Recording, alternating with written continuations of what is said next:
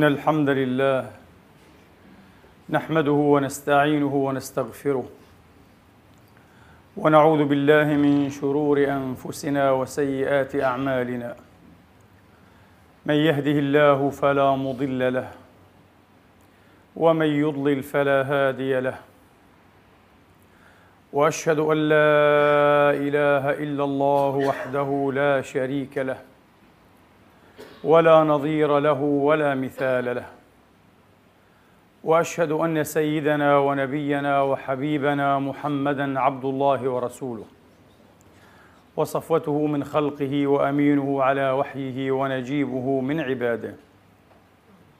صلى الله تعالى عليه وعلى آله الطيبين الطاهرين وصحابته المباركين الميامين. وأتباعهم بإحسان إلى يوم الدين وسلم تسليما كثيرا. عباد الله أوصيكم ونفسي الخاطئة بتقوى الله العظيم ولزوم طاعته. كما أحذركم وأحذر نفسي من عصيانه سبحانه ومخالفة أمره. لقوله جل من قائل من عمل صالحا فلنفسه. ومن أساء فعليها. وما ربك بظلام للعبيد. ثم أما بعد أيها الإخوة المسلمون الأحباب أيتها الأخوات المسلمات الفاضلات يقول الله جل مجده في كتابه الكريم بعد أن أعوذ بالله من الشيطان الرجيم. بسم الله الرحمن الرحيم. قل تعالوا أتل ما حرم ربكم عليكم ألا تشركوا به شيئا وبالوالدين إحسانا. ولا تقتلوا أولادكم من إملاق. نحن نرزقكم وإياهم. ولا تقربوا الفواحش ما ظهر منها وما بطن. ولا تقتلوا النفس التي حرم الله إلا بالحق. ذلكم وصاكم به لعلكم تعقلون. ولا تقربوا مال اليتيم إلا بالتي هي أحسن حتى يبلغ أشده. وأوفوا الكيل والميزان بالقسط لا نكلف نفسا إلا وسعها. وإذا قلتم فاعدلوا ولو كان ذا قربى وبعهد الله أوفوا. ذلكم وصاكم به لعلكم تذكرون. وأن هذا صراطي مستقيما فاتبعوه فاتبعوه ولا تتبعوا السبل فتفرق بكم عن سبيله ذلكم وصاكم به لعلكم تتقون.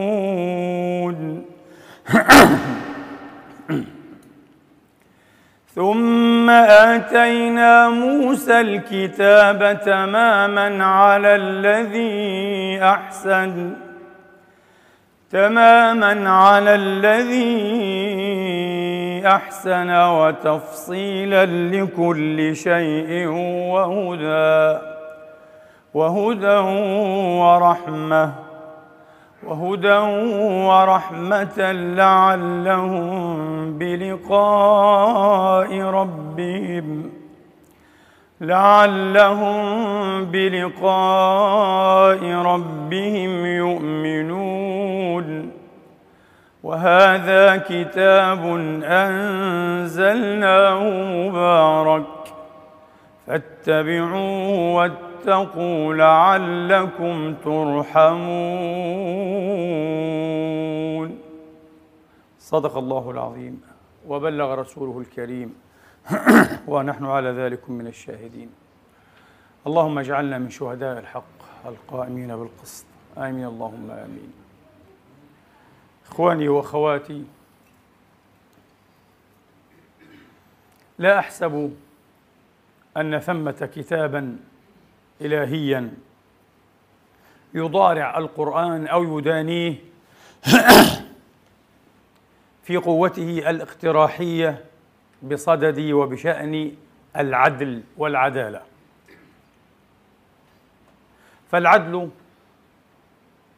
المبرر الرئيس لإرسال الرسل وتنبئة الأنبياء. والعدل مأمور به الخاتم عليه الصلاة وأفضل السلام أن يتعاطاه خطة بين أفراد أمته أمة الدعوة وأمة الإجابة. وأمرت لأعدل بينكم. والعدل إخواني وأخواتي يكون في القول ويكون في الفعل يكون في الشهادة ويكون في القضاء والحكم. والعدل الذي يكون في القول عام ولا أعم يعم الأقوال كلها على نحو ما سمعتم من هذه الآية الجليلة من سورة الأنعام. وإذا قلتم فاعدلوا. إذا قلتم عمت الأقوال كلها في الصلح وفي الخصومة فأصلحوا بينهما بالعدل وأقسطوا. في الصلح وفي الخصومة ولا يجرمنكم شنآن قوم على ألا تعدلوا. اعدلوا هو أقرب للتقوى. في الخصومة إذن مع من نحب ومع من نكره في الصلح والمسالمة وفي الكره والمخاصمة. عدل. العدل نحن مأمورون أن نقوم أيها الإخوة به وأن نشهد به. على نحو ما نحن مأمورون أيضا بأن نقوم لله ونشهد لله. نقوم بالعدل ونشهد به. ونقوم لله ونشهد له. هذه بالباء وهذه باللام. هذا ما تحصل بمقارنة آيتين جليلتين. غبي وجه الفرق في التعبير بينهما على بعض من تأملهما. أعني قوله جل مجده من سورة النساء يا أيها الذين آمنوا كونوا قوامين بالقسط شهداء لله الشهادة لله والقيام بالقسط. والقسط ما هو؟ القسط أخص من العدل العدل أعم من القسط. القسط كلمة أعجمية كلمة أعجمية. ودليل أعجميتها أنها إلى الآن في اللغات الهند أوروبية أيها الإخوة تحكي أصلها justice قسط. قسط just justice. نفسها كلمة أعجمية. وتعني العدل في الحكومة أي العدل في القضاء العدل القضائي. أما العدل القرآني فهو أوسع من هذا في القضاء وفي غير القضاء في كل شيء في كل شيء. نحن مأمورون بالعدل في كل شيء. مأمورون بالعدل في الأحكام والأقضية أي بالقسط. وهذا سر هذه الآية. إذا هذه الآية تتحدث عن ماذا أيها الإخوة؟ هذا المفتاح الذي يجعلنا نقف على خصوصية هذه الآية وعلى ما يفرق بينه وبين آية المائدة التي سأتلوها بعيد قليل يا أيها الذين آمنوا كونوا قوامين بالقسط. هذه الآية كما لاحظ نفر من السادة المفسرين جاءت تقريبا في نهاية سياق طويل. ابتدأ بقول الحق جل مجده إنا أنزلنا إليك الكتاب بالحق لتحكم بين الناس بما أراك الله ولا تكن للخائنين خصيما. في قصة آل أبيرق أو طعمة ابن أبيرق مع اليهودي وتعلمونها تقريبا جميعا إخواني وأخواتي. إذا هذا رأس السياق. لذلك قال في آخره كونوا قوامين بالقسط. أي في قضايا الحكومات في العدل. القضائي أيها الإخوة. الآية في العدل القضائي كونوا قوامين بالقسط شهداء لله ولو على أنفسكم. قد يقول قائل نعم. لدي من تقوى الله ومن الورع والمخافة والتوقير لأمر الله تبارك وتعالى ما يحملني على أن أشهد حتى على نفسي وعلى أن أقضي على نفسي حين يكون الحق في جانب خصمي. لا يلحقني معرة من هذا. لكن قد تلحقني معرة إن شهدت على أبي أو أمي. قال الله تبارك وتعالى أو الوالدين. حتى وإن لحقتك معرة في مجتمع قبلي. في مجتمع قبلي. يولي هذه المسائل ما الاعتبار ما لا يوليها المجتمع المدني. قال أو الوالدين حتى على أبيك أو على أمك. أو الوالدين والأقربين. إن يكن المقضي عليه أو المشهود له أو عليه إن يكن غنيا أو فقيرا. هذا لا ينبغي أن يولى اعتبارا أدنى اعتبار في قضية القضاء والشهادة. في باب القضاء وباب الشهادة بغض النظر. الله يتولى أمره غنيا كان أو فقيرا. الله يستصلح حاله. لا تفعل أنت بالحيف في الشهادة أو المين في القضاء. أبدا ممنوع. قرآن عجيب. آية عجيبة جامعة مانعة. في كلمات أيها الإخوة يمكن أن تشرح في صحائف طويلة مسهبة. إن يكن غنيا أو فقيرا فالله أولى بهما. فلا تتبعوا الهوى. كل ما يحملك على أن تتحيف في باب الشهادة أو القضاء فهو هوى. فهو هوى. هوى فردي أو هوى جماعي. هوى القبيلة والعشيرة هوى الحزب والجماعة هوى المؤسسة هوى الطائفة هوى المذهب هوى الناس هوى المجتمع والأمة. كله هوى. كله هوى أيا كان هذا الهوى. وليس بالضرورة أن يكون هوى فرديا. هوى فرديا. قد يراعي المرء هوى الجماعة. الذي يأتي أحيانا على الضد من هوى لكنه هوى أيضا. وسيهوي به ربما في نار جهنم. الباب خطير جدا. العدل في القضاء والعدل في الشهادة أيها الإخوة. فالله أولى بهما فلا تتبعوا الهوى أن تلووا. آه أن تعدلوا. وإن تلووا أو تعرضوا فإن الله كان بما تعملون خبيرا. إن تلووا تلووا من اللي وهو الثني واللفت ليا بألسنتهم وطعنا في الدين. يلوون ألسنتهم بالكتاب. ممنوع. أن تلوي لسانك بالشهادة. أو تلوي لسانك في الحكم كقاضي ممنوع. يجب أن تؤدي الشهادة على وجهها كما يرضى الله ولا يرضى إلا بأن تؤدى على وجهها. ويجب أن تلفظ يجب أن تنطق بالحكم كما يرضى الله على وجهه وعن علم ليس عن هوى وليس عن جهل. عن هوى وعن جهل فأنت قاض من اللذين هما في النار والقضاة ثلاثة. واحد فقط في الجنة قاض قضى عن علم وقضى بالحق هذا في الجنة. أما اللذان في النار فقاض قضى بجهل أصاب أم أخطأ فهو في النار. ممنوع. الذي يقضي بجهل يتنطع لما لا يعلم أيها الإخوة. يريد أن يفصل في الخصومات وليس بقاض. قاض فضولي قاض متطفل في النار.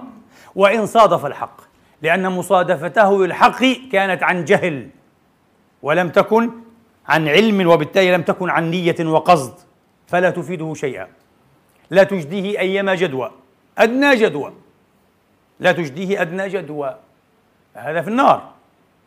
وقاض أيها الإخوة قضى بالباطل. أي وإن كان عالما.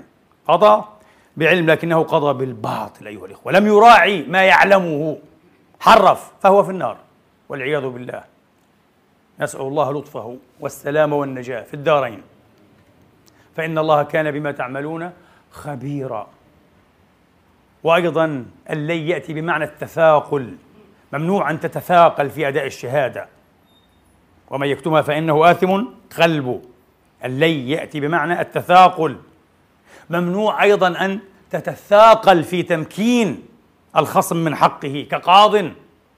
فموقع الكلمة عجيب هنا وبليغ جدا. موقع كلمة وإن تلووا أو تعرضوا.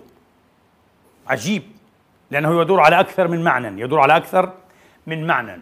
هذه آية النساء. أما آية المائدة فهي قول الحق سبحانه وتعالى من قائل يا أيها الذين آمنوا كونوا قوامين لله شهداء بالقسط ولا يجرمنكم شنآن قوم على ألا تعدلوا. اعدلوا هو أقرب للتقوى. إذا هنا القيام ليس بالقسط. هناك كونوا قوامين بالقسط. لماذا؟ لأن السياق في القضاء السياق في الحكومة. فالاعتبار الحكومة اعتبار القضاء الحكومة معناها القضاء القضاء الحكومة القضاء. والحاكم هو القاضي. مش حاكم الدولة يعني. انتبهوا هذا اصطلاحات فقهية اصطلاحات نبوية. الحاكم هو القاضي. آه. والحكومة هي القضاء. فالاعتبار الحكومة لذلك قال كونوا قوامين بالقسط.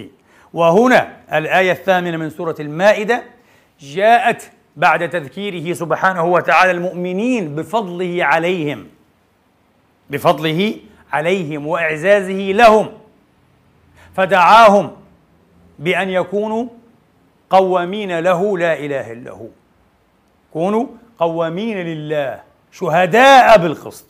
فالاعتبار للقيام لله بماذا نقوم لله؟ وفاء بما له من عهود وحقوق لا إله إلا هو. عهود ومواثيق وحقوق. فالاعتبار أيها الإخوة الآن للقيام لله تبارك وتعالى. ثم تلاه بعد ذلك الشهادة بالقسط. فتحصل بمقارنة ومن مقارنة الآيتين أن الله تبارك وتعالى يقام له ويشهد له. كونوا قوامين لله. هناك قال كونوا قوامين بالقسط شهداء لله. فالله يقام له ويشهد له واللام ليست للتعدية. اللام ليست للتعدية. وإنما لام ماذا؟ لام بمعنى لأجل. لأجل. قوامين بالقسط شهداء لأجل الله. وما معنى هذا؟ بمعنى أنك تشهد لأجل أن يرضى الله لأجل أن لا يسخط الله تبارك وتعالى. طلبا لمرضاته لا إله إلا هو وصدعا بأمره. وقد تتأدى بك هذه الشهادة إلى مهلكة قد تشهد على كبير على متنفذ لصالح صغير محقور مهضوم. لكنك تشهد لماذا؟ لله. لا ترى كبر الكبير إنما ترى أكبر كبير لا إله إلا هو. فاللام هنا ليست لام التعدية إنما لام لأجل لأجل الله. تشهد لله تبارك وتعالى. عجيب. كما قلت ولو حتى على نفسك أو أبيك وأمك أو ذوي قراباتك. الفاروق عمر رضي الله تعالى عنه وأرضاه. رمز العدل أيها الإخوة. رمز العدل في هذه الأمة. يشتري من أعرابي. مغمور من غمار الناس. فرسا. يبدو كما يقول الرواة أنه أركضها بقسوة. أركض الفرس بقسوة. أركضه بقسوة. فلما عاد قال لصاحبه أرى به عيبا. كأن إيه؟ بساقه عيب. قال يا أمير المؤمنين أخذته سليما. فاختلف. وعمر الآن أمير المؤمنين. انتبهوا ليس فردا عاديا. ولو لم يكن أمير المؤمنين فهو صاحب رسول الله وهو عمر الفاروق. ليس أي صاحب ليس أي مسلم رضي الله عنه وأرضاه. قال يا أمير المؤمنين أخذته سليما. فاختلف فقال فلنجعل بيننا حكما أي قاضيا. فقال له عمر وهذا من عدل عمر اختر. لم يختر له. عمر قال له اختر. فوسع له. فقال اختاروا شريح. شريح بن الحارث الكندي اليمني الذي كان يقضي بين الناس ولم يطر له شارب ولم تبقل له لحية. غلاما صغيرا امرد ويقضي بين الناس. أعجوبة القضاء في تاريخ الإسلام.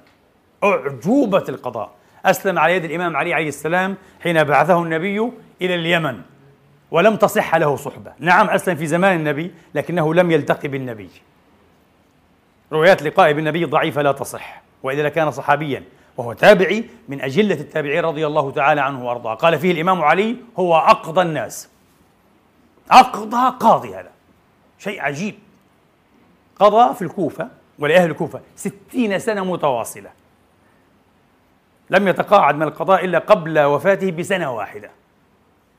ومات وقد جاوز المئة. قيل ابن مئة وثماني سنوات رضي الله تعالى عنه وأرضاه. رجل عجيب تقي عالم. قيل له كيف أصبحت؟ شوف الذكاء. قال أصبحت وشطر الناس علي غضاب. طبيعي. تريد أن تقضي بالحق أن تقول الحق. سترضي قوما وتسخط آخرين. هذه هي الدنيا. والناس لا يرضون بالعدل ولا يرضون بالحق. الناس يحبون العدل إذا كان لهم يحبون الحق إذا كان لهم أما إذا كان عليهم فهم يسخطونه. نسأل الله أن نكون من القوامين بالقسط شهداء لله. هذا هو. الناس دائما يقترحون عليك. قل هذا واسكت عن هذا وقل هكذا ولا تقل هكذا حتى يرضوا عنك. ولكن رضاء الناس غاية لا تدرك. يرضى عنك هؤلاء ويسبك هؤلاء. فخلي وكدك وهمك أن يرضى عنك الله لا إله إلا هو. ويا ليت الذي بيني وبينك عامر وبيني وبين العالمين خراب. هذا المهم. المهم فقال أجعل بين بيننا شريحا. شريح القاضي.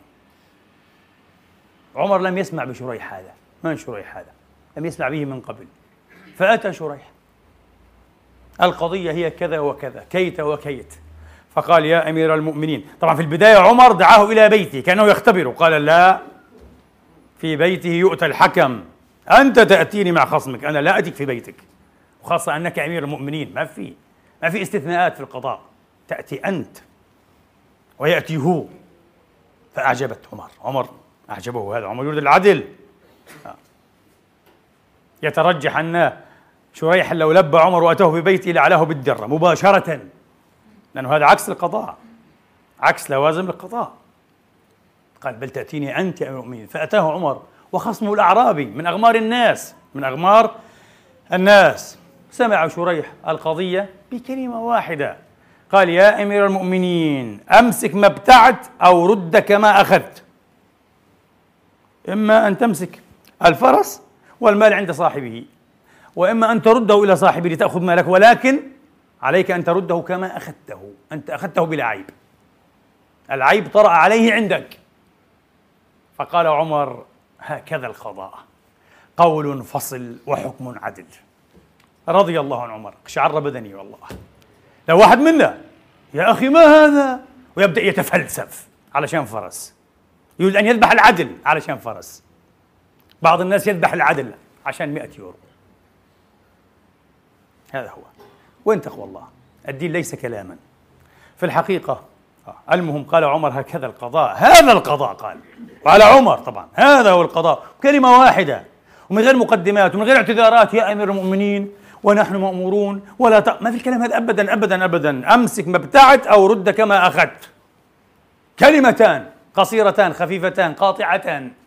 قال عمر أيضا بكلمتين هكذا القضاء. قول فصل وحكم عدل اذهب فقد وليتك على قضاء الكوفة. فصار قاضيا. وقضى لعلي عليه السلام. وقضى حتى في زمن إيه؟ بني أمية.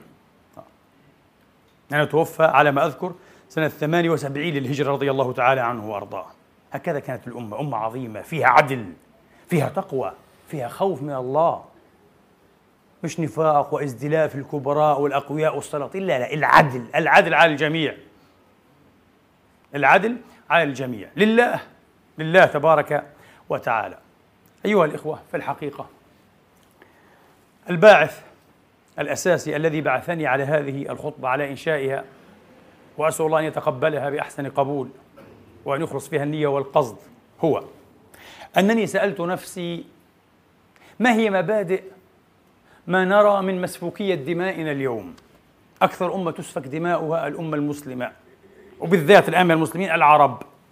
العرب تسفك دماؤهم في المشارق والمغارب. هنا وهناك وهنالك. يا رحمة الرحمن. يا غياث المستغيثين أغثنا. وخطر لي أن من مبادئ سفك دمائنا اليوم استهتارنا في القول. لا نتقي الله في ألسنتنا. طبعا بين قوسين بالذات أنا أعني أهل الفكر والذكر كما يقال أهل العلم صناع الرأي العام. صناع الرأي العام. طبعا في مقدم صناع الرأي العام من يتكلم باسم الدين باسم الشرع. تقريبا السلطة المعرفية في آخر أربعين سنة على الأقل. السلطة المعرفية تقريبا يمكن ليس لدينا إحصائيات أو دراسات علمية لكن هكذا بالتقريب بالحدس لا يقل عن 80% 80% بيد من؟ المشايخ. بيد المتكلمين في الدين. الفضائيات والمنابر المختلفة. كل وسائل الاتصال. أكثر شيء الكلام في الدين في الدين في الدين في الدين. رجال الدين المشايخ يتكلمون. احتكروا تقريبا السلطة المعرفية. هم الذين يوجهون ويخلقون الرأي العام لدى الشباب والشابات. لدى الناس عموما. ولكنهم إلا ما رحم ربي وقليل ما هم مستهترون جدا جدا بما يفوهون بما يقولون.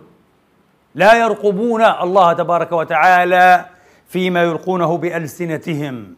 يحسبونه هينا وهو عند الله عظيم. مع أنهم يتلون صباح مساء وإذا قلتم فاعدلوا. العدل في القول. مع من تحب ومع من تكره فأين العدل؟ اختفى العدل اضمحل وذاب وهرب. من عالم العرب للأسف الشديد ما معنى هذا؟ ما علاقة هذا بمسفوكية دمائنا؟ ما علاقة هذا بمسفوكية دمائنا؟ قبل أن أجيب سأتلو عليكم حديثا جليلا تحفظتموه وأنتم صغار بلا شك لكنه جميل وجليل حديث الإمام الترمذي الذي حسنه وصححه قال حديث حسن صحيح وهو من الأحاديث التي تراجع العلامة الألباني رحمة الله تعالى عليه عن تضعيفها ضعفها في البداية ثم عاد عن تضعيفه وحكم له بالصحة. في تفصيل يطول. حديث معاذ بن جبل رضي الله تعالى عنه وأرضاه. قال كنت مع رسول الله عليه الصلاة وأفضل السلام. يعني في سفر. فأصبحت ذات يوم وأنا منه قريب. فقلت له يا رسول الله انتهز هذا القرب المكاني من رسول الله. فقلت له يا رسول الله دلني. طبعا الرسول لم يكن انتبهوا لم يكن بابا يرجوه الجميع. ما في كلام. في هيبة في وقار في إجلال. حتى من هؤلاء الصحابة الأجلاء الذين أحبهم الرسول حبا جما. يعني معاذ النبي قال له مرة صلى الله على محمد وآل محمد والله يا معاذ إني لأحبك ومع ذلك يتهيب النبي ما هو؟ كلما خطر له يأتي يا رسول الله. سؤال ما في الكلام هذا؟ ما في.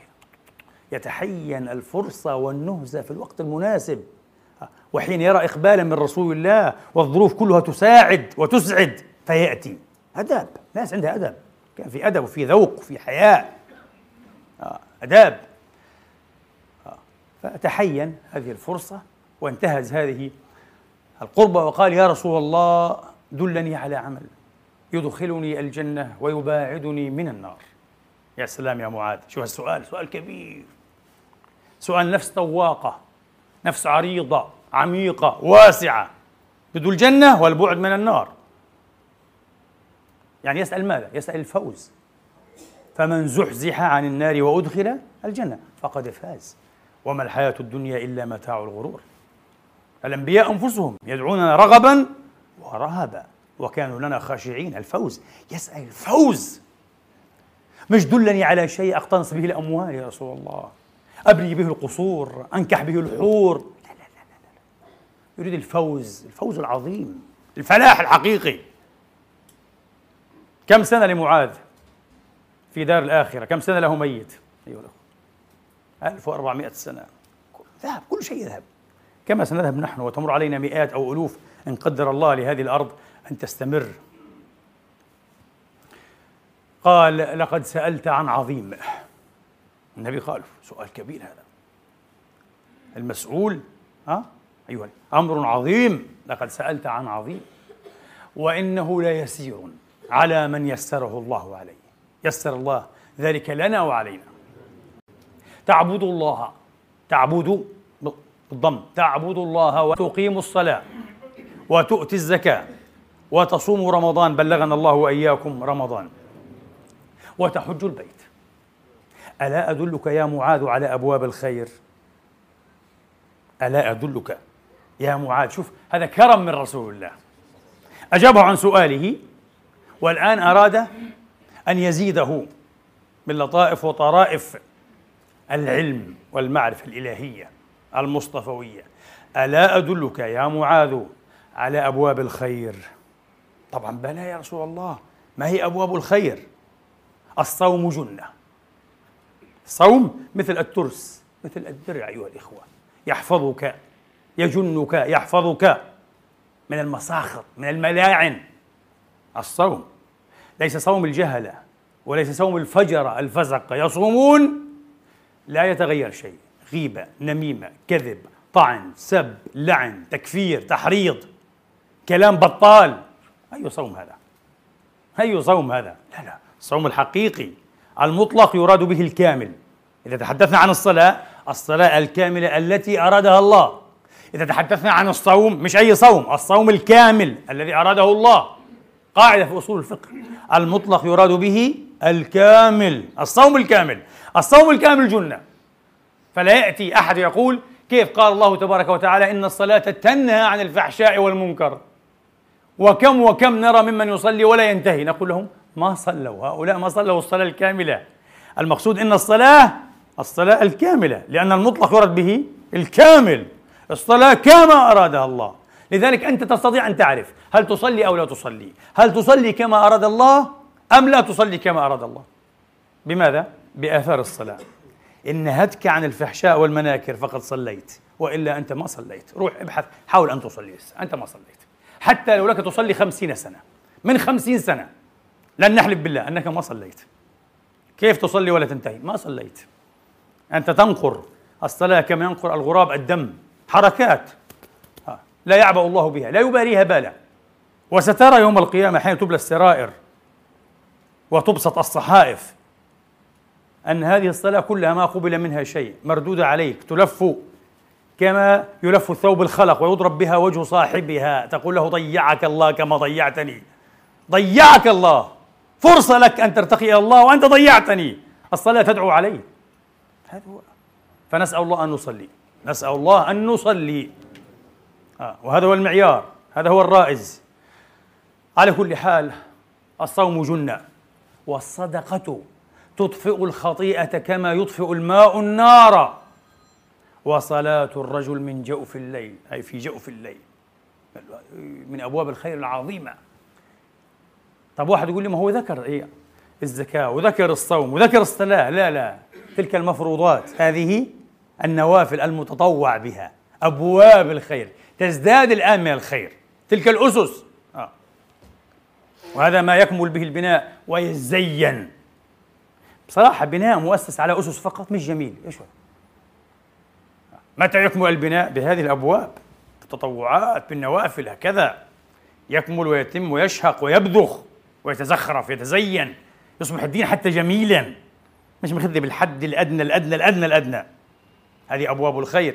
إذا الصوم صوم التطوع والصدقة التي تطفئ صدقة التطوع غير الزكاة كلام. وصلاة الليل صلاة الرجل من جوف الليل. صلاة قيام الليل هذه غير المفروضة. وصلاة الرجل من جوف الليل. ثم تلا عليه الصلاة وأفضل السلام تتجافى جنوبهم عن المضاجع. يدعون ربهم خوفا وطمعا. ومما رزقناهم ينفقون. فلا تعلم نفس ما أخفي لهم من قرة أعين جزاء بما كانوا يعملون. ثم قال عليه الصلاة وأفضل السلام وآله ألا أدلك يا معاذ ثالثا الآن؟ كرم على رأس الأمر وعموده وذروة سنامه لو ما أجاب النبي يعني لولا ما كان من جواب النبي عن هذا السؤال من كان يعرف الجواب؟ قال له رأس الأمر ما هو؟ عمود الأمر ما هو؟ ذروة سنام الأمر ما هو؟ قال بلى يا رسول الله. قال قلت بلى يا رسول الله. قال رأس الأمر الإسلام. الإسلام تسلم وجهك لله طوعا لا إله إلا هو. حنيفا مسلما. بارئا من شوب الشرك. بارئا من شوب الشرك. قال رأس الأمر الإسلام. وعموده الذي يقوم عليه الأمر الصلاة. الله أكبر. كما يقال دائما الصلاة عماد الدين هو هذا. وعموده الصلاة وذروة سنامه الجهاد أي في سبيل الله. الجهاد المشروع. الجهاد المشروع. ولم يكتفي الكريم عليه الصلاة وأفضل السلام وهو أكرم الناس. هو أكرم الناس عليه الصلاة وأفضل السلام يلتفت إلى معاذ رابعا ويقول له ألا أدلك أو ألا أخبرك أو ألا أنبئك يا معاذ بملاك ذلك كله؟ شيء إن حصلته فكأنك حصلت كل ما سبق. إن تحققت به رجح بكل ما سبق وكل ما سبق مطلوب أيضا على وجهه. فرضا في باب الفرض وندبا في باب الندب. لكن هذا كأنه ملاك الأمر كله. عجيب ما هو؟ ما هو ملاك الأمر؟ تحدث عن الصلاة عن الصوم عن الزكاة عن الصدقة عن قيام الليل عن الجهاد. ما هو الملاك يا رسول الله؟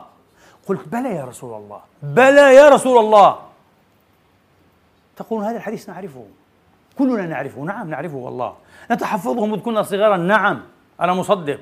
ولكن صدقوني لا نكاد نعمل به خاصة بآخره. لا نكاد نعمل به البتة إلا ما رحم ربي لا إله إلا هو. قال فأخذ بلسانه أخذ بلسان نفسه عليه الصلاة والسلام وآله وقال كف عليك هذا. اللسان قال له أمسك عليك لسانك. كف عليك هذا اللسان. فقلت يا رسول الله وإنا لمؤاخذون بما نتكلم به؟ وعاد يظن إيه؟ أنه اللسان هذا أمر هين يعني. تكلم إسخر امزح اغتب مرات يعني نم اسعى احتقر كذا. اطعن. لسان كلام. كما تقول عامة ماذا يأخذ الريح من البلاط يعني؟ يبقى البلاط بلاطا ويذهب الريح يعني غير صحيح. فقال عليه الصلاة وأفضل السلام ثكلتك أمك يا معاذ ثكلتك أمك يا معاذ. وهل يكب الناس في نار جهنم على وجوههم أو قال على مناخرهم إلا حصائد ألسنتهم؟ قال له أنت اليوم مش فاهم الحقيقة هذه؟ قال له هذه قاعدة خطيرة جدا في دين الله. أكثر ما يدخل الناس مصوبين على رؤوسهم هكذا في جهنم. هكذا. يكبهم على وجوههم أو مناخرهم في جهنم. حصائد ألسنتهم. قال وقيل. قال وقيل. ألسنة مرسلة. لا تراعي الله فيما تقول. من أين هذا الفقه يا رسول الله؟ من كتاب الله. هذه الكلمة الأخيرة مأخوذة من مثل قوله وإذا قلتم فاعدلوا. إن الله يأمر بالعدل. إذا العدل ليس فقط في الأفعال والأقضية والأحكام وفي الأقوال. ومش فقط في باب الشهادات في كل شيء. في باب الشهادات في باب الوصايا في باب المدائح والمذام في باب التعريف في باب الحوار والنقاش في كل شيء. كل ما تفوه به عليك أن تتوخى فيه خطة ماذا؟ السير في خطة العدل. أن تكون عادلا تتكلم كلاما يرضي الله بالعدل قامت السماوات والأرض على نفسك وعلى غيرك. فيما تحب وفيما تكره. هذا هو الدين يا إخواني. هذا هو الدين. أين نحن من الدين؟ بعداء جدا. أشهد بالله ولله في هذا اليوم أننا بعداء جدا. وأنا حين أتكلم لا أستحضر العوام. العوام كان الله في عونهم. هم ضحايا المشايخ والعلماء. سأكون صادقا معكم. هم ضحايا المشايخ والعلماء. لأنه من الواعظ ومن الموعوظ؟ هذا هو الواعظ. والمفروض هذا أن يتعظ بما يقول الواعظ. الواعظ يعلمه أن يقع في الناس وأن يسبهم وأن يلعنهم وأن يغري بدمائهم وأن يفتي بتكفيرهم وأن وأن وأن وأن إلى ما شئتم. من هذه الكراهات المنفلتة يا إخواني. لماذا تلوم على العام هذا الجاهل العام يتقرب إلى الله بهذا. العام يقول لك أنا أقتل نفسي. أتقرب إلى الله. أقتل نفسي في هؤلاء الكفر الملاعين الأنجاس المناكيد أتقرب يظن أن هذه قرب إلى الله. لأنه هذا العالم الضال المضل الفاسق الفاجر يا إخواني. الفاجر والعياذ بالله الذي ما وقر الله ولا خاف الله ولا خشي الله تبارك وتعالى ولا يفعل. علمه هذه الكراهية. علمه الاستطالة في أعراض المسلمين أيها الإخوة. وقد يقول قائل لما تقول هذا؟ أين دليله؟ أين برهانه؟ أكثر من واضح. أكثر من واضح. سأبدأ بطرفة ذكرها العلامة ابن مفلح الحنبلي الذي كان يلقبه شيخ الإسلام ابن تيمية بالمفلح. يقول له أنت لست ابن مفلح أنت مفلح أنت نفسك مفلح. العلامة الفقيه الكبير ابن مفلح في كتاب الآداب الشرعية حكى عن أحد العامة من أهل بغداد أنه وشى بجار له عند أحد الولاة والي على بغداد ذهب إليه متطوعا. ندب نفسه ينهى عن المنكر. أيها الوالي إن جاري فلانا الفلاني زنديقة طبعا اليوم من أكثر العصور التي تستخدم فيها لفظ ماذا؟ زنديق. زنادقة وزنادقة وزنديق وزنديق وزنديق وزنديق. زنديق ورافضي أكثر كلمات تستخدم. رافضي زنديق. زنديق رافضي. وهم لا يفهمون لا معنى لا رافضي ولا زنديق. تكلم من ناحية علمية من ناحية شرعية. الوالي أحس أن هذا فيه شيء. فقال له وما السبب الذي رميته بالزندقة عندي؟ أنت تقرف جارك تتهم جارك بالزندقة. إيش شفت منه؟ فقال مرجئ ناصبي رافضي خارجي. الله أكبر. ما شاء الله. جمع الفرق كلها والمقالات. طبعا بعضكم لا يعرف ما معنى مرجئ. لا حرج. آه. ناصبي رافضي طبعا لا يجتمعان بالمرة. رافضي مبالغ في حب أهل البيت. ناصبي مبالغ في كره أهل البيت. كيف اجتمع؟ خارجي الخوارج يكرهون الإمام عليا كرها شديدا. كرههم معاوية أيضا. هذا لا إيه؟ أبدا. لا يكون إيه؟ لا يكون الخارجي ناصبيا. الناصبي يحب بني أمية جدا ويكره البيت جدا. ما يكون. ولا يكون الخارجي رافضيا مستحيل. يكره إيه؟ علي عليا وشيعة علي جدا. والمرجع حتى نستفيد المرجع أيها الإخوة هو الذي يقول باختصار لا يضر مع الإيمان معصية. ما دامك أنت مؤمن متحقق بالإيمان من أهل لا إله محمد رسول الله افعل ما تشاء بإذن الله أنت من أهل الجنة. هذا مذهب الإرجاء. طبعا في إرجاء آخر أخف منه التهم به الإمام أبو حنيفة شيء آخر. على كل حال فهذا جمع كل شيء. قال له جار الزنديق هذا مرجع. قال له ناصبي رافضي من الخوارج خارجي. يبغض معاوية. يبغض معاوية ابن الخطاب الذي قتل علي ابن العاص. شفت عاد؟ شفت الزنديق فالقاضي علم أنه أمام أهبل أحد هبلان المدينة. فقال له لا أدري على ماذا أحسدك. على علمك بالمقالات أم على بصرك بالأنساب. يخرب بيت أهلك قال له. بتقول لي ناصبي رافضي خارجي مرجئ مش معقول لا تجتمع بالمرة هذه مذاهب متفرقة تماما. وبتقول لي آه، معاوية ابن الخطاب في واحد اسمه معاوية بن الخطاب ومعاوية بن الخطاب قتل إيه علي؟ ها ابن العاص مش حتى ابن العاص ابن العاص. وجاره زنديق. اليوم يحدث شيء شبيه بهذا. ما رأيكم؟ والله. وأنا على منبر رسول الله. يحدث شيء شبيه بهذا. يقول لك رافضي زنديق. رافضي كيف؟ واحد.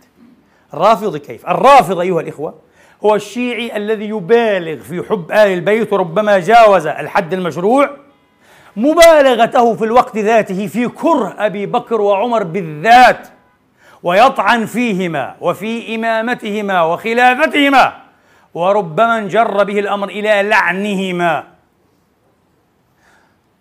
من كان كذلك قلنا إنه إيه؟ رافضي. إذا كلمة رافض هذه تركب علي واحد هكذا؟ إذا رأينا رجلا يحب أبا بكر وعمر جدا هل يسمى رافضيا؟ أقسم بالله لا.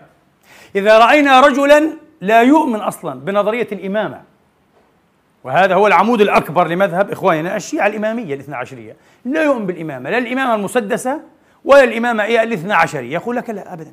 هذا شأن دنيوي بحت والرسول لم يعهد فيه ولم يوصي ولم يكتب ولم يقل شيئا حقيقيا صريحا فيه. أبدا اجتهادات.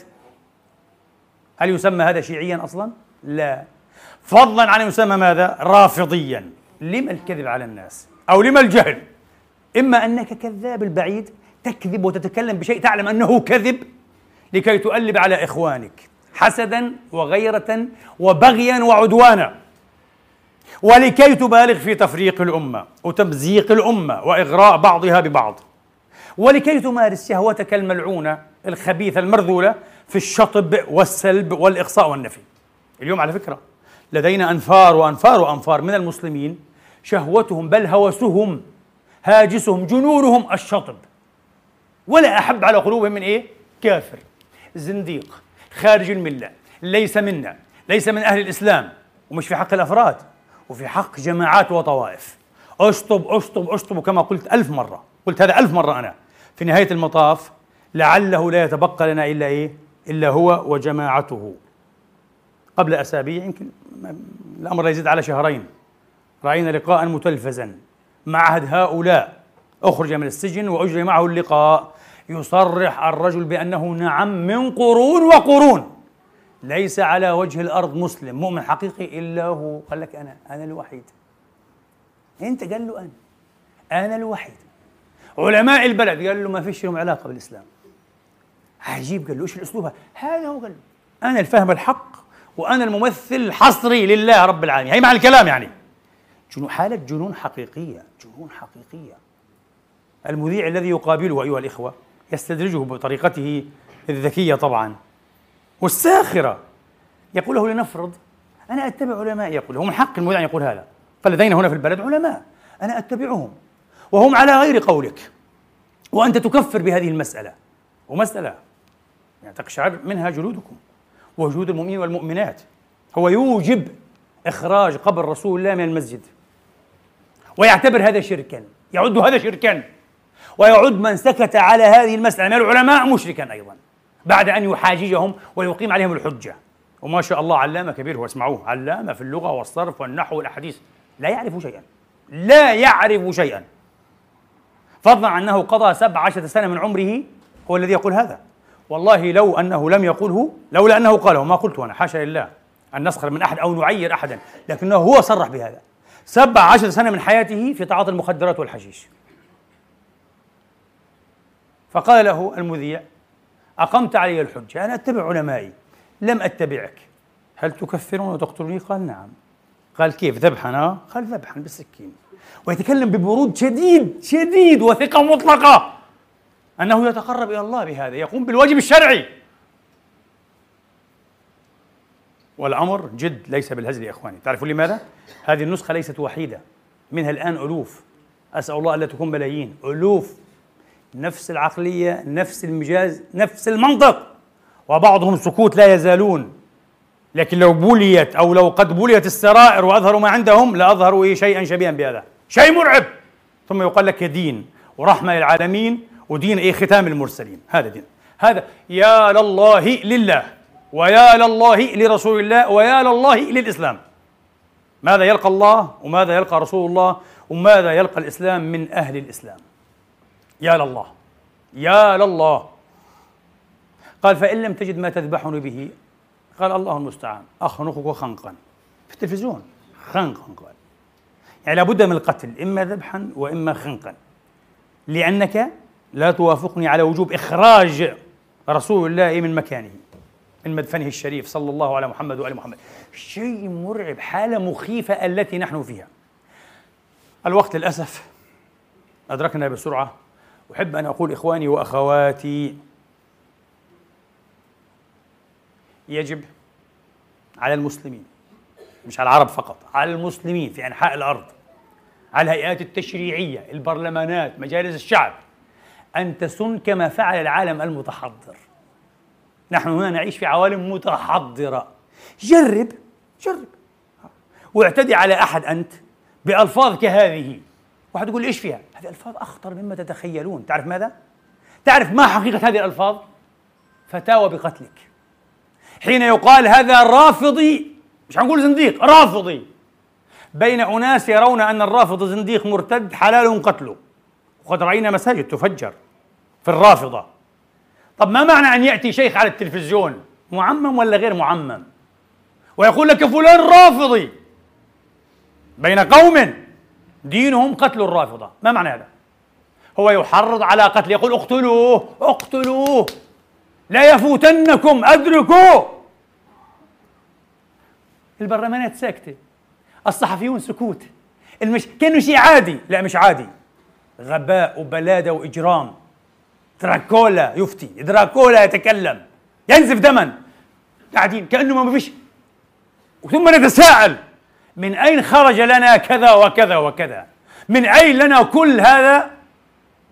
الضرى أيها الإخوة والغرام بسفك الدماء والذبح والسلخ.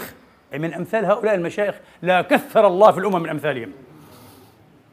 حسبنا الله ونعم الوكيل. ماذا لقينا وماذا لقي الإسلام وأمة الإسلام منهم؟ عادي قال عادي لا مش عادي. ما معنى أيها الإخوة أن يتهم أحد بالوهابية يقول لك يا واهبي وهبان طبعا عشان نكون عدلا. نحن قلنا يجب أن نكون عادلين عدولا أيضا. رافضي بين قوم دينهم قتل الرافضة وهابي بين قوم دينهم قتل الوهابي. وهتقولي لا لا لا بلغت الآن. لا ما بلغت. خش على اليوتيوب. هناك أيضا من بعض زعماء الشيعة من يفتي بقتل الوهابية. يصفون بالوحوش الكفرة الأنجاس أولاد الحرام أولاد كذا. شيء غير متخيل. ثم يقال بعد ذلك في بيئة أيها الإخوة دينها قتل الوهابية. وهابي ما معنى هذا؟ اقتلوه. لا يفوتنكم. حتى الموقف العادل الذي أحببنا أن نرسل به رسالة إلى كل الأطراف أزعج معظم الأطراف. حين لم نكفر داعشا لم أكفرها ولا أكفرها ولن أكفرها ما لم ترتكب كفرا بواحا عندي فيه من الله برهان. الجريمة والإجرام والقتل والدموية والتدميرية شيء والكفر شيء آخر يا حبيبي. مش شرط أن تكون كافرا لتكون مجرما قاتلا لا مش شرط. يمكن أن تكون مسلما أو مسيحيا أو يهوديا أو بوذيا. تأخذ قشورا من دينك ولكنك أكبر مجرم. ولا مش صحيح؟ طبعا. ويمكن أن تكون ملحدا. نرى الآن كثيرين من الملاحدة.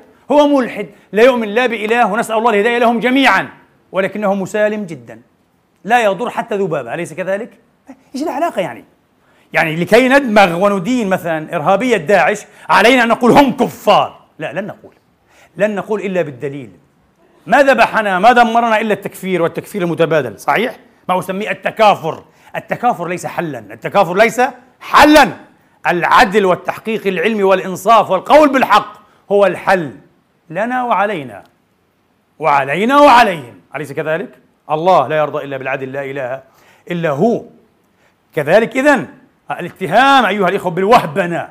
وهابي في بيئة تستحل دماء الوهابية جريمة لا ينبغي أن يسكت عليها.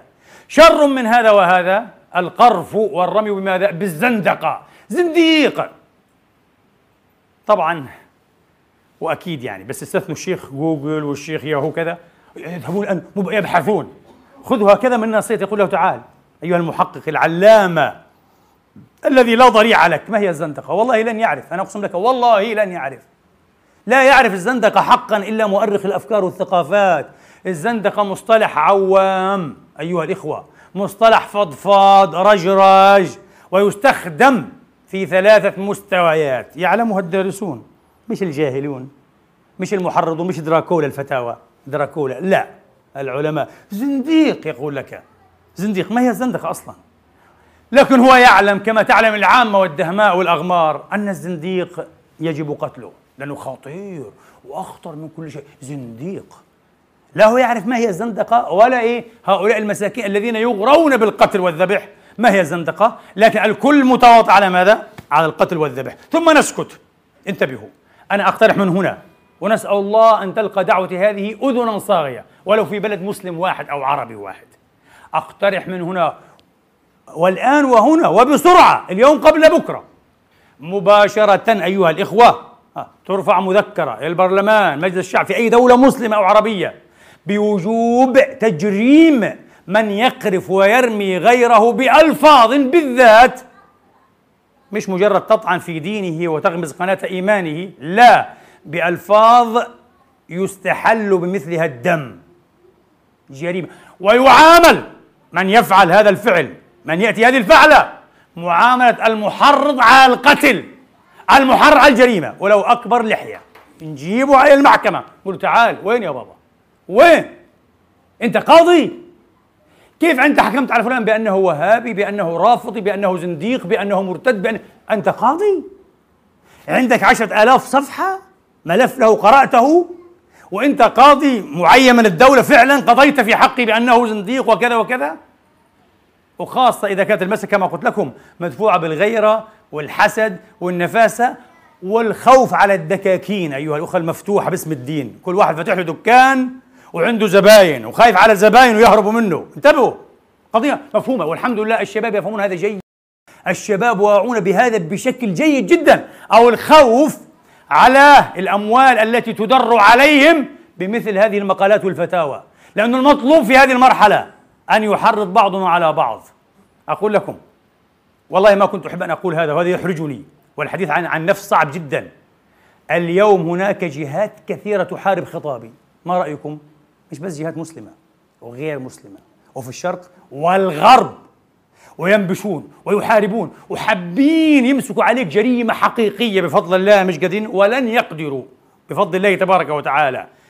لكن السؤال لماذا؟ لماذا هذا الخطاب بالذات خطابي؟ خطاب سلامي خطاب تصالحي خطاب رحمة خطاب محبة خطاب تثاقف خطاب تعارف. لماذا يغضب ومن يغضب بالذات؟ أنا أقول لكم يغضب من تبطل مخططاتهم ومكرهم ومصالحهم وتغلق دكاكينهم به. في ناس ما بتشتغل مخططاتها ما بتنجح ما بتتم ما تنفذ. أيها الإخوة إلا بالخطاب الآخر. خطاب التكفير والقتل ومش تكفير وقتل وتكريم المسلمين للعالم كله. العالم كله كافر ويستحق الذبح ويستحق كذا كذا والمسلمون أيضا إيه غير استثناء. هذا خطاب ممتاز. هذا الخطاب بتمشي فيه الأمور كأحسن ما يكون. خطابي مزعج. افهموا. بالله عليكم حاولوا أن تفهموا. من كان له عينان فليبصر كما قال المسيح. من كان له أذنان فليصغ فليستمع. من كان له لب فليفكر. خطاب عجيب خطاب مزعج هذا. يزعج من؟ أنا غير محتار أنا فاهم. ومنذ البداية كنت أفهم هذا. أعرف يزعج من. يزعج من لا يحبون أيها الإخوة أن تتصالح الأطراف المختلفة لأنها إذا تصالحت ضاعت مصلحتهم. بس هذا هو. مسلمين وغير مسلمين. أتحدث مسلمين وغير مسلمين. كونوا واعين وفاهمين لما يجري حولكم. أسأل الله أكبر تحدي أمامي أنا العبد الضعيف الآن أكبر تحدي حقيقي أمامي والله العظيم أن أبقى وفيا لخطابي أبقى وفيا لي أبقى وفيا لما أنا عليه حتى النهاية. وألا أثنى عنه وألا أسكت أيضا عن الإدلاء به لأنه كما هو واضح من غير تبجح ما في طوق نجاة إلا هذا. بغير هذا سنتفانى أنا أقول لكم ما في. ما في وعد غير هيك. والله سنتفانى. سيتفانى العرب والمسلمون. سيذبح بعضنا بعضا. سأكون واضحا. إخوتنا في السعودية الآن حين وصل إليهم البلل كما يقال وجعلت مساجد الإخوة الشيعة تفجر ويقتل الناس ظلما في يوم الجمعة. يذهبون لتوحيد الله. ما الذي حصل هناك؟ وسرنا ما حصل. صرنا نسمع الشهداء إخواننا الشهداء.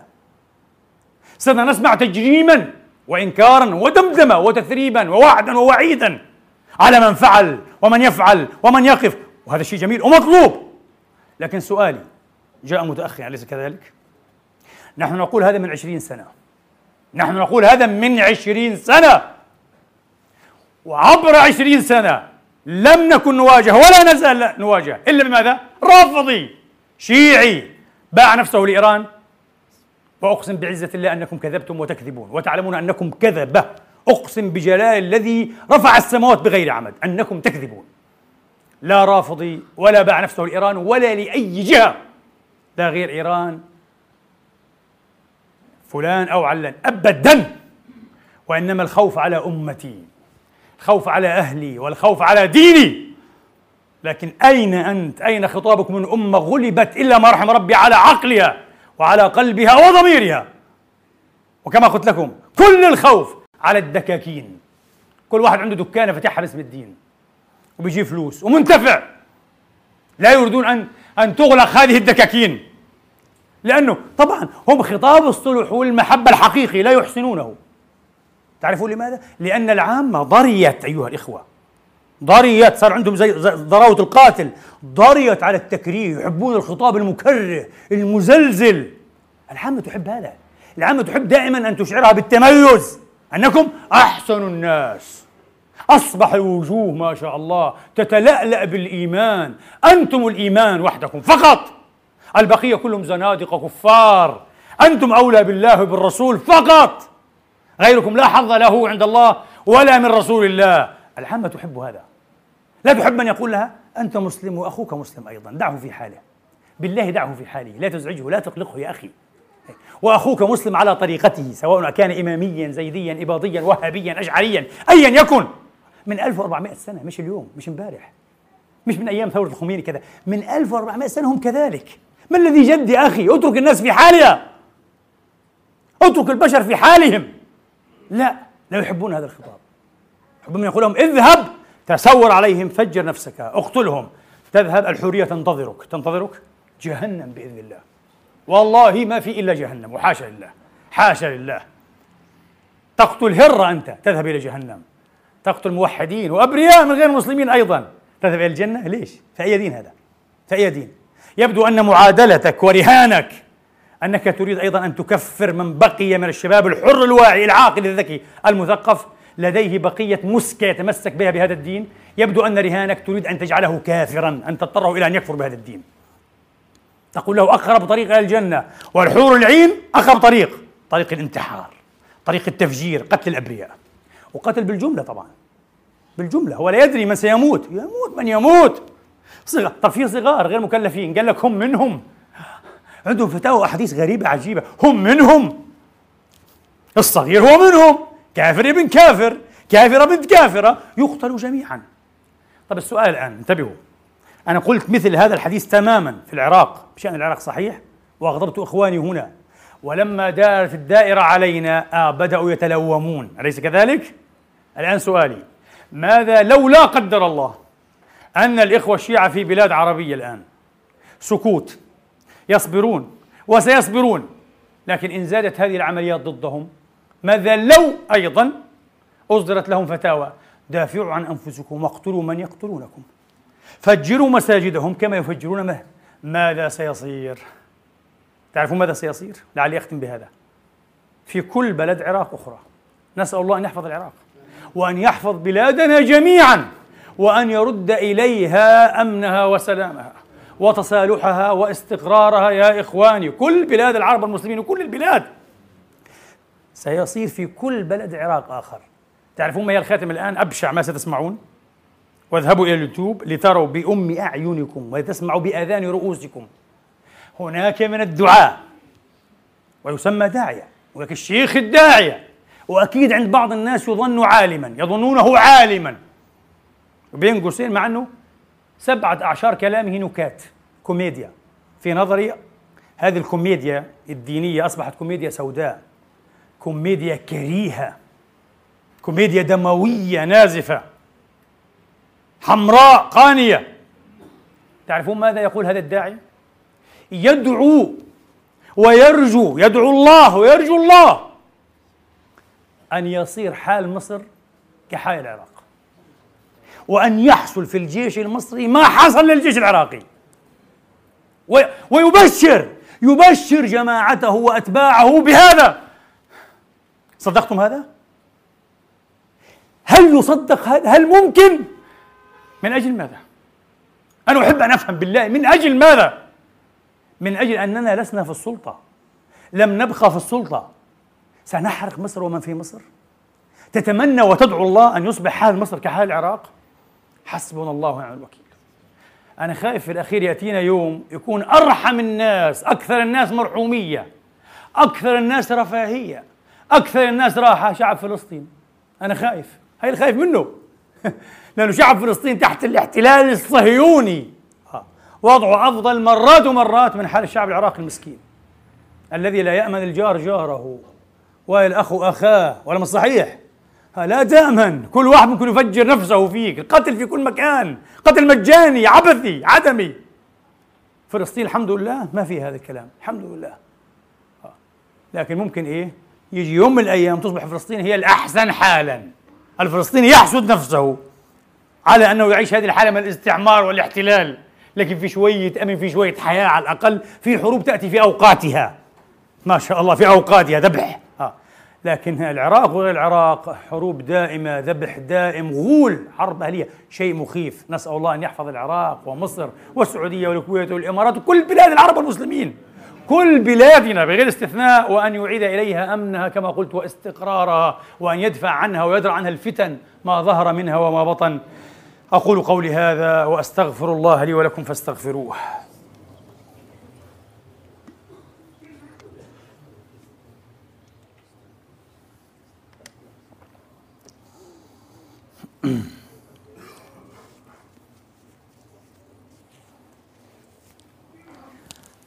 الحمد لله الحمد لله الذي يقبل التوبة عن عباده ويعفو عن السيئات ويعلم ما تفعلون ويستجيب الذين آمنوا وعملوا الصالحات ويزيدهم من فضله والكافرون لهم عذاب شديد وأشهد أن لا إله إلا الله وحده لا شريك له وأشهد أن محمدا عبده ورسوله صلى الله تعالى عليه وعلى آله وأصحابه وسلم تسليما كثيرا.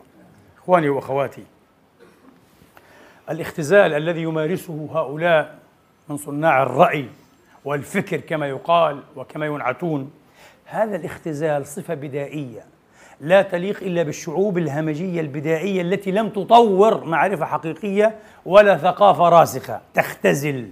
والاختزال في قلبه يمثل التعميم. نحن الآن نعيش مرحلة اختزالية تعميمية رهيبة غير مسبوقة أيها الإخوة غير مسبوقة وعلى جميع المستويات. في يوم من الأيام المجد الفيروز آبادي رحمة الله عليه تعرفون العلامة الكبير هذا يؤلف معجما ديكشنري يسميه القاموس. القاموس هو وسط المحيط. البحر المحيط وسطه يقال له القاموس فيقال قاموس المحيط يعني وسط الماء المحيط. قاموس البحر وسط البحر. فكأنه اسمه معجم القاموس يعني. معجم القاموس. بعد ذلك وإلى اليوم صار كل معجم يسمى ماذا؟ قاموسا. إذا سمع الناس كلمة قاموس يظن معناها إيه؟ dictionary يعني. de: Wörterbuch لا قاموس معناها منتصف الماء. وسط ماء البحر أو وسط ماء اسمه القاموس. قاموس المحيط. ال ocean هو هذا. اختزال. نوع من الاختزال. فليسمى كل إيه؟ كل معجم قاموسا. بريح حالنا. في بلادنا على الأقل نتحدث إيه؟ عن معسكراتنا كلاجئين في غزة. إلى اليوم مسحوق الغسيل يقال له إيه؟ تايد. تايد يعني. تايد هذه ماركة. في مسحوق غسيل تايد هذه ماركة. عندهم كل مسحوق غسيل يقال له إيه؟ تايد. إلى اليوم أيضا في بلادنا لا ادري في بلاد أخرى ها؟ هذه المحارم التي تستخدم لمرة واحدة ثم تلقى يقال لها كلينكس. كلينكس ماركة هذه. مش مش معناها إيه؟ كل محرمة اسمها إيه؟ كلينكس. لا.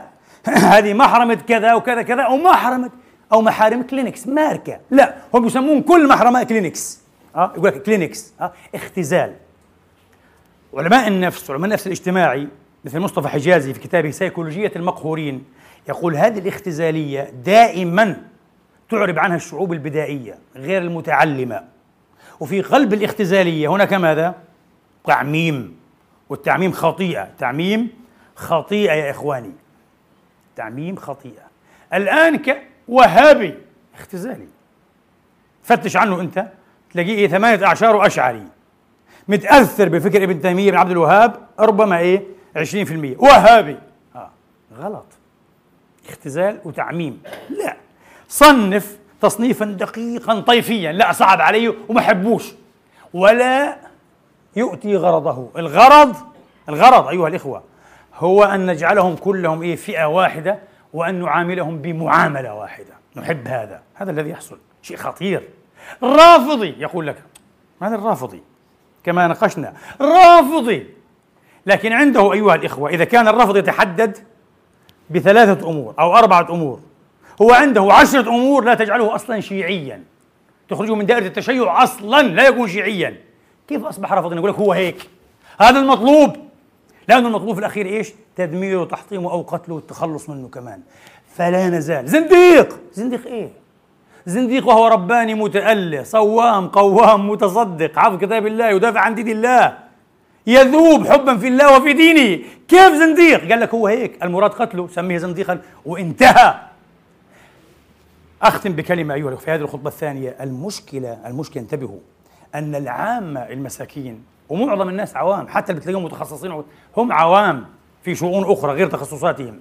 العامة فالمتخصص في فن عامي في غيره. ليس لديهم القدرة التي يكشفون بها زيف هذه الاستراتيجية.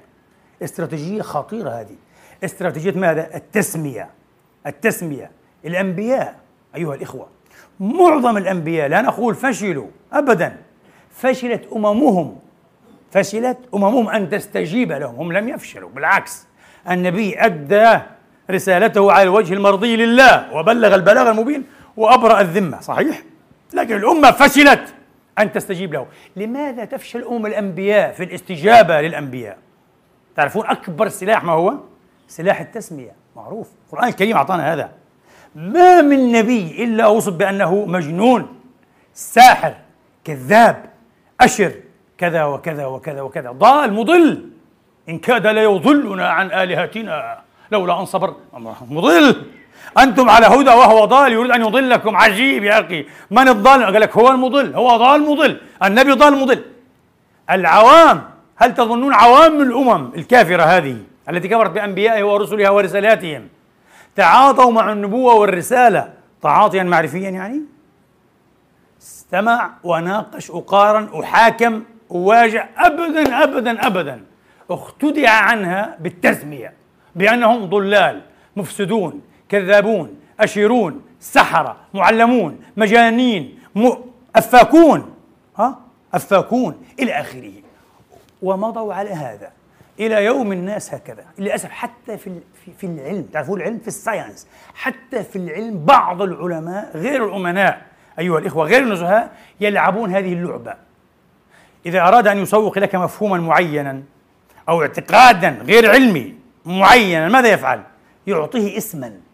إذا أعطاه اسما وخاصة اذا كان باللاتيني أو بالإغريقي أنت تظن أنه هذا إيش؟ شيء ثابت. انتهى عنده اسم. اسمها حيلة ماذا؟ سمه. سمي وتخلص أنت خلاص. تخدع الناس. give it a name أعطيه اسما يقول لك. give it a name أعطيه اسما. في العلم بعض العلماء غير الأمناء يستع... يستعملون هذه الحيلة غير النزيهه أعطيه اسما. فاحذروا وأنا أقول لكم احذروا الأسماء احذروا التسميات احذروا التصنيفات بكلمة واحفظوها عني. ما يتركه الفكر بتأملاته وجولانه ومحاكماته ومقارناته تملأه التسمية بزيفها لتنتج فكرا زائفا مزيفا. الفكر لا يبدأ أيها الإخوة بالتصنيف لا يبدأ بالتسمية. رافضي وانتهينا. لا لا لا لا يبدأ. تعال. ماذا عنده؟ ماذا لدي؟ ماذا يقول؟ ماذا يكتب؟ لندرس هذا دراسة علمية كأننا بصدد إيه؟ إعداد طروحة جامعية. بعد ذلك تأتي التسمية. بعد ذلك تأتي التسمية وستكون عادلة إلى حد بعيد. ستكون موضوعية. حين لا تفعل هذا بفكرك لا تقوم بالمقارنة بالمحاكمة بالمزاوجة بالمناظرة لا تجول لا تتأمل ماذا يبقى؟ تدخل التسمية لكي إيه؟ تخلق فكرا زائفا وتبقى تعيش في دائرة الفكر الزائف الفكر المزيف الفارغ اللهم اهدنا فيمن هديت وعافنا فيمن عافيت وتولنا فيمن توليت علمنا ما ينفعنا وانفعنا بما علمتنا وزدنا علما وفقها ورشدا اللهم جنبنا الفتن ما ظهر منها وما بطن. أعنا على ذكرك وشكرك وحسن عبادتك يا رب العالمين. نسألك فعل الخيرات وترك المنكرات وحب المساكين وأن تغفر لنا وترحمنا. وإذا أردت بعبادك فتنة فاقبضنا إليك غير مفتونين.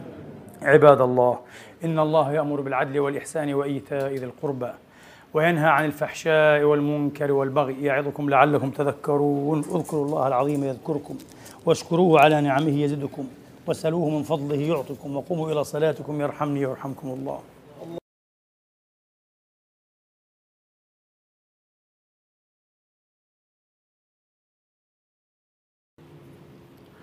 الله أكبر.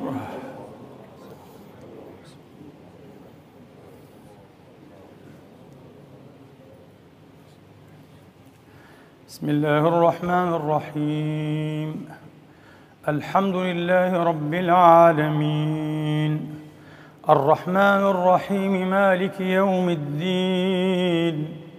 إياك نعبد وإياك نستعين. اهدنا الصراط المستقيم.